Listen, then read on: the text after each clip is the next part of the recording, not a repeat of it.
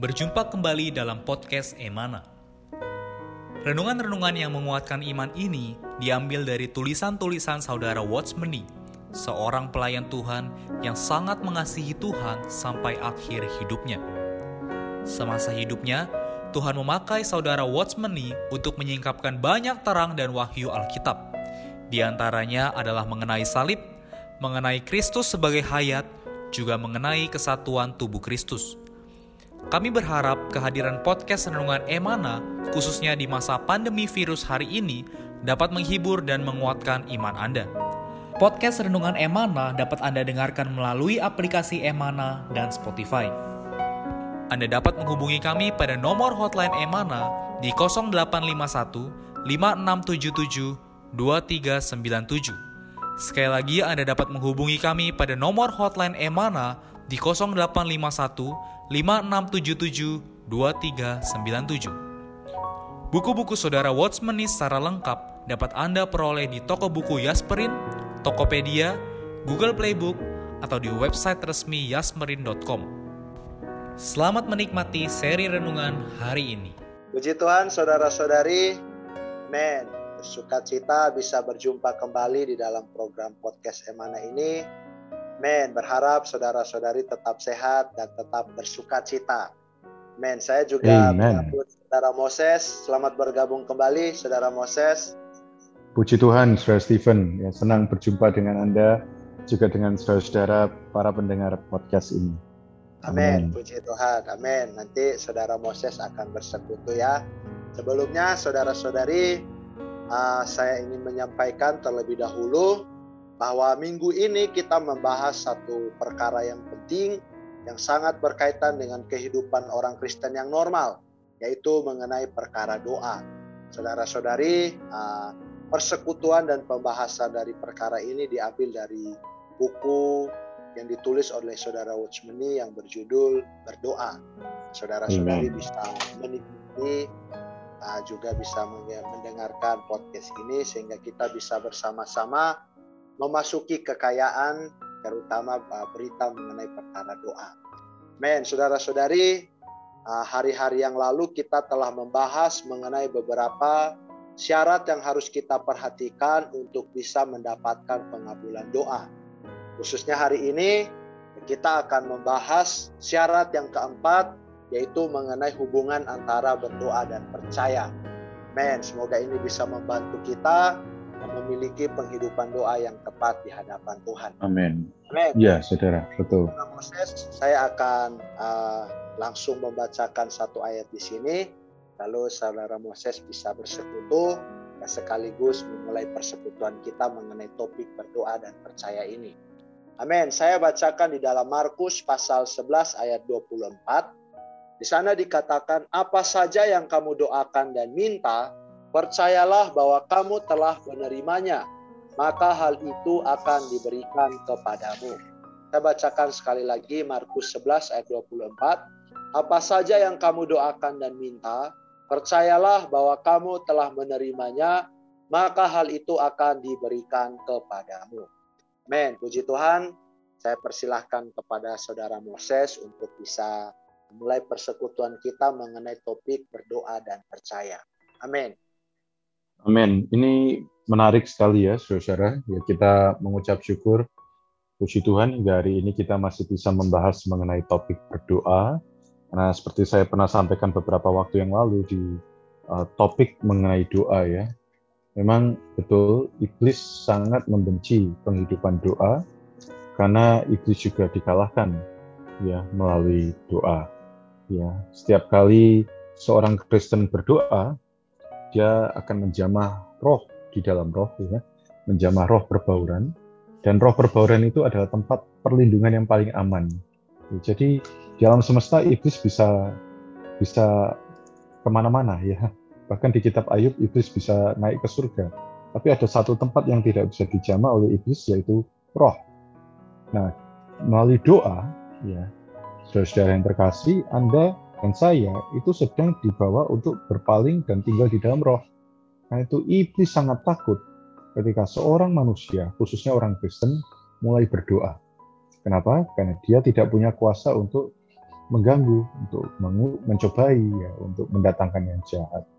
Karena itu iblis akan dengan segenap daya upaya mencoba mengurangi kesempatan orang Kristen untuk berdoa. Ya, jadi moga minggu ini kita bisa clear itu dulu ya bahwa perkara berdoa kayaknya sepele, kayaknya sederhana, tetapi ini sangat penting.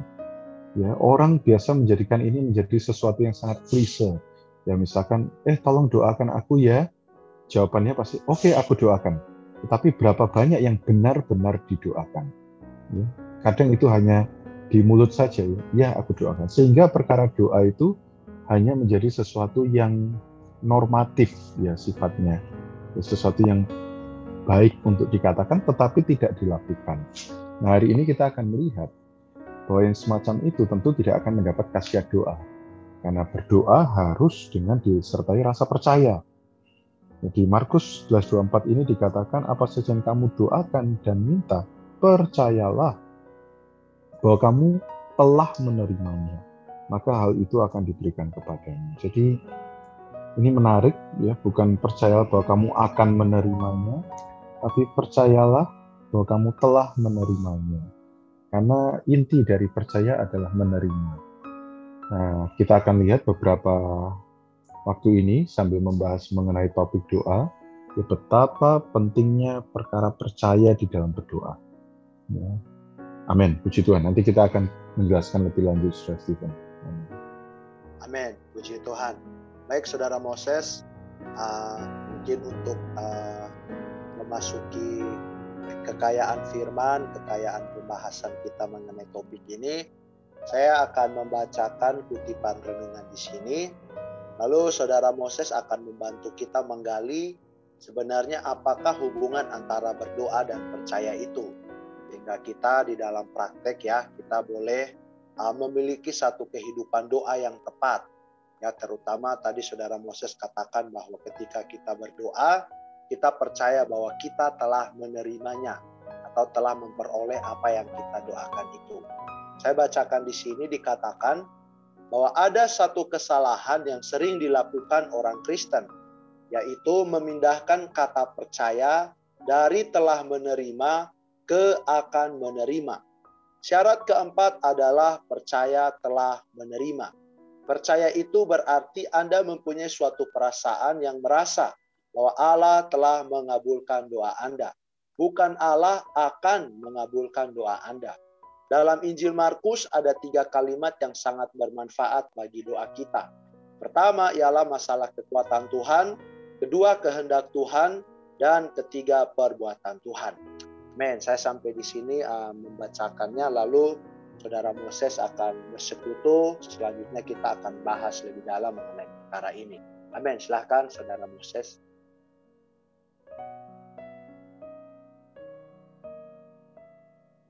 Amin. Silakan Saudara Moses. Amin.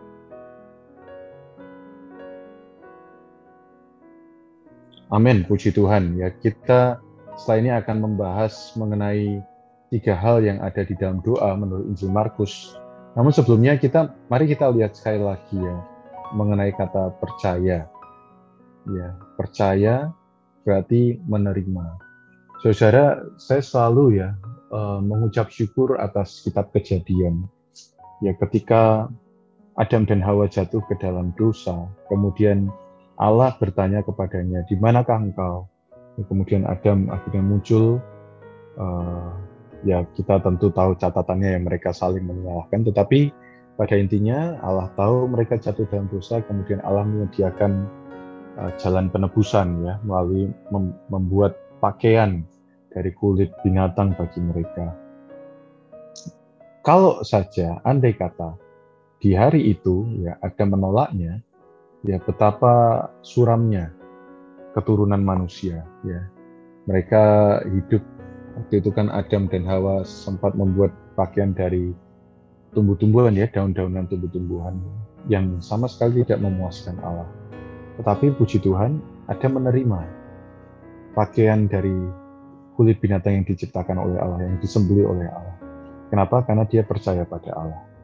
Jadi sekalipun dia jatuh dalam dosa, Tapi puji Tuhan, saudara dia percaya pada Allah.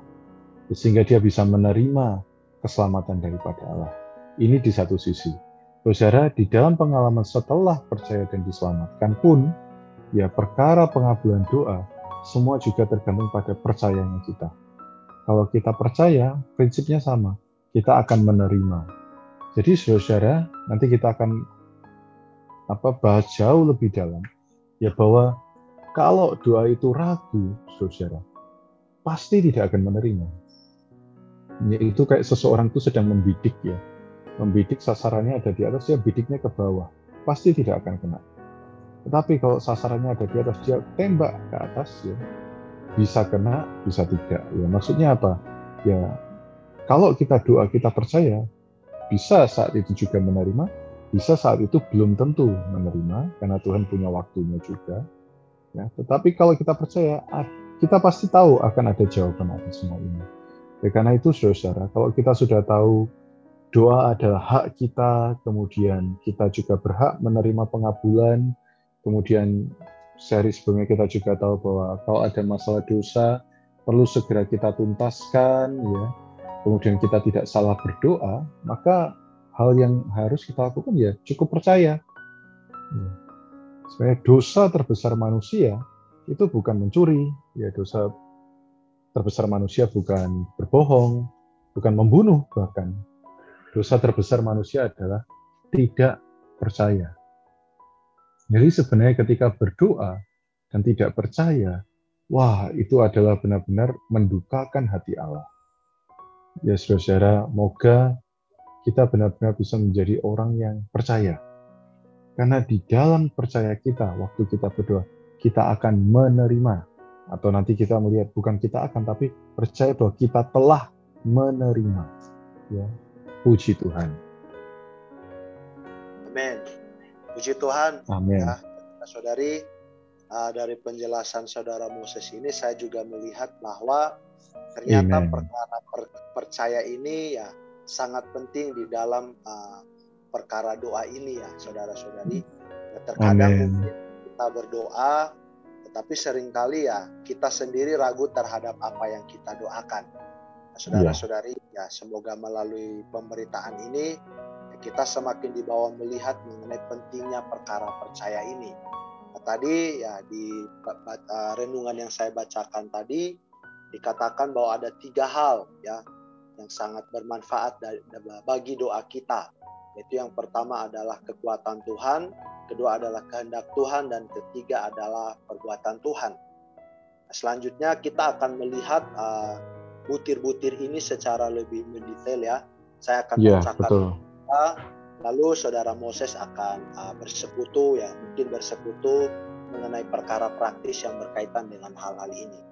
Amin. Yang pertama, di dalam Injil Markus pasal 9 ayat 22 berkata, "Jika engkau dapat berbuat sesuatu, Masalah pertama yang harus diselesaikan ialah hati kita penuh dengan kecurigaan, seolah-olah kekuatan kesulitan itu lebih besar daripada kekuatan Allah. Kita harus percaya bahwa Allah dapat mengatasi kesulitan. Puji Tuhan. Yang kedua, di dalam Markus pasal 1 ayat 41 tercantum perkataan demikian. Lalu tergeraklah hatinya oleh belas kasihan. Aku mau jadilah engkau tahir. Men, di sini kita melihat bukan masalah Allah dapat atau tidak, melainkan Allah mau atau mau. tidak. Amin. Lalu yang ketiga di dalam Markus pasal 11 ayat 24 dikatakan, "Percayalah bahwa kamu telah menerimanya, maka hal itu akan diberikan kepadamu." Amin. Iman tidak hanya percaya bahwa Allah dapat dan Allah mau, tetapi juga percaya bahwa Allah telah melakukan, Allah telah menggenapkan. Puji Tuhan. Amin. Saya persilahkan Saudara Moses. Amin. Ya, inilah tiga poin mendasar ya yang diberikan oleh kitab Markus bagi kita ya, menjadi dorongan bagi kita di dalam berdoa. Di pasal 9 ayat 22 Bapak Ibu Saudari bisa buka Alkitab ya, Anda bisa garis bawahi dikatakan jika engkau dapat berbuat sesuatu ya jadi ini adalah perkataan yang sangat sangat apa ya mendorong kita. Ya, ini adalah sebuah pertanyaan. Ya, jawabannya adalah dia dapat, saudara ya. Jadi Allah kita ini sanggup. Allah kita ini mampu. Ya, dia dapat berbuat. Dan dia bukan hanya berbuat hal yang kecil, jadi dalam doa kita dia dapat ya, melakukan banyak hal yang besar. Ya, ini kan adalah sebuah pertanyaan dari seorang ayah ya yang anaknya kerasukan. Ya, Tuhan berkata, katamu jika engkau dapat, ya di ayat berikutnya, segala sesuatu mungkin bagi orang yang percaya. Jadi kalau kita percaya bahwa dia sanggup, dia dapat, ya seperti ayah dari anak ini berkata, aku percaya, tolonglah aku yang tidak percaya ini. Tuhan akan bertindak, saudara. Kita mengakui bahwa dia sanggup, dia dapat, Tuhan bertindak. Kemudian di Markus 1 ayat 41, ya, bukan hanya Tuhan itu sanggup, tapi Tuhan pun mau menjawab doa kita. Jadi ini menarik, saudara. Bukan hanya kita yang mau doa kita dijawab, Tuhan juga mau menjawab doa kita. Ya, jadi Moga ya ini mendorong kita untuk lebih banyak berdoa. Kenapa? Karena bukan hanya kita yang mau doa kita dijawab, Tuhan juga mau doanya doa kita ini dia jawab. Ya, jadi sukacita tidak, saudari. Sukacita tidak ya, Bapak Ibu ya, bahwa wah ya, setiap doa kita itu mau dia jawab. Ya, dia bukan hanya sanggup, dia mau. Ini kita perlu sangat terkesan. Ya, asal ya sekali lagi dosa kita dibereskan, doa kita tidak salah, doa kita seturut firman-Nya. Dia tuh mau menjawab doa Anda. Amin. Dan yang ketiga, terakhir, dia telah menggenapkan. Dia telah melakukan. Ya. Dia telah memberikan. Jadi saudari, moga tiga hal ini yang menjadi dorongan yang sangat penting dalam perkara kita mau melangkah sebagai orang Kristen untuk berdoa. Tadi di awal podcast ini ya, Saudara Stephen mengatakan doa ini ada penghidupan yang mendasar, yang normal dari seorang Kristen. Ya moga melalui dorongan dari kitab Markus, ya kita semua dipulihkan, iblis berusaha mencuri, tetapi kita juga berusaha curi-curi waktu. Ya, sedikit-sedikit berdoa. Ya, iblis membuat orang Kristen sedikit berdoa tetapi kita belum menjadi orang Kristen yang sedikit-sedikit berdoa. Ada apa-apa? Berdoa. Ada masalah? Berdoa. Tidak ada masalah? Berdoa. Kenapa? Karena dia sanggup, dia mau, dan dia telah. Amin. Puji Tuhan. Amin. Haleluya. Puji Tuhan. Amin. Amin. Saudara-saudari, ya, saya rasa ini adalah uh, satu dorongan yang sangat baik ya saudara-saudari jika kita melihat di dalam Injil Markus ya ada tiga perkara tadi yang sudah disampaikan. Saudara-saudari kalau saya boleh katakan ya ini Amen. adalah satu berkat yang besar saudara-saudari. Kenapa?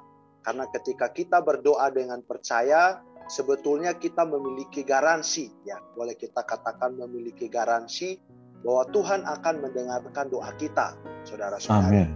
Asal kita memperhatikan ya tiga langkah di depan, kemudian kita memiliki uh, hati yang percaya, maka ya, Amin. Ya, hal tadi itu bisa menjadi garansi bahwa Allah pasti mendengarkan doa kita. Saudara-saudari, banyak perkara ini juga mendorong kita, ya seperti saudara Moses tadi sampaikannya, menjadi orang Kristen yang sedikit-sedikit berdoa. Artinya ya kita Amen. memiliki penghidupan doa yang terus-menerus. Amin. Amin. Sebelum kita menutup persekutuan kita, saudara-saudari, nah saya akan membacakan satu perkataan kesimpulan di sini. Lalu saya minta dalam kasih saudara Moses bisa menutup persekutuan kita di dalam doa. Amen. Amen. Di sini di bagian kesimpulan dikatakan bahwa iman itu bukan sugesti, melainkan karena kita telah memperoleh firman Allah sehingga percaya dengan pasti Amin. Bahwa Allah dapat, Allah mau, dan Allah telah. Saudara-saudari kita percaya bahwa Allah dapat, Allah Amen. mau, dan Allah telah. Puji Tuhan. Amin. Puji Tuhan. Amin. Amin. Ya, moga ini uh, firman ini bisa menjadi sebuah dorongan, juga kekuatan bagi kita semua ya. Mari kita berdoa. Tuhan, Terima kasih Tuhan Yesus, Kau Amin. adalah teladan kami, seorang yang penuh dengan kesempurnaan, namun Kau juga berdoa dengan penuh kepercayaan kepada Bapa. Amin. Tuhan, apalagi kami Tuhan, kami mau belajar berdoa. Tuhan, Amin. dengan percaya, karena Engkau Allah yang sanggup, Engkau Allah yang mampu, Engkau juga adalah Allah yang telah. Tuhan Amin. berkati seluruh saudara-saudari di seluruh Indonesia. Oh, tahun ini Tuhan menjadi tahun yang penuh dengan doa. Tuhan, Amin. kami mau mengambil Engkau lebih banyak, bersandar, bergantung pada Engkau, sang pohon kehidupan itu. Kami mau menjaga, memelihara kontak kami melalui berdoa. Terima Amin. kasih Tuhan, susunlah Amin. kami, jenuhi kami dengan dirimu melalui kami berdoa. Haleluya. Amin. Haleluya. Puji Tuhan. Puji. Tuhan. Terima kasih Saudara Moses untuk persekutuannya. Amin. Amin. Semoga kita bisa berjumpa kembali minggu depan ya tentunya dengan topik yang berbeda. Terima kasih waktunya Saudara Moses. Amin. Amin. Tuhan memberkati. Amin. Haleluya. Saudara-saudari yang mendengarkan podcast eh, mana eh mana semoga firman Tuhan terus menguatkan kita, mendorong dan men- meneguhkan penghidupan kerohanian kita. Amin. Mulia bagi Tuhan. Mulia bagi Tuhan. Sekian podcast Renungan Emana hari ini. Kami akan kembali pada seri berikutnya. Anugerah dari Tuhan Yesus Kristus dan kasih Allah dan persekutuan Roh Kudus menyertai kita semua.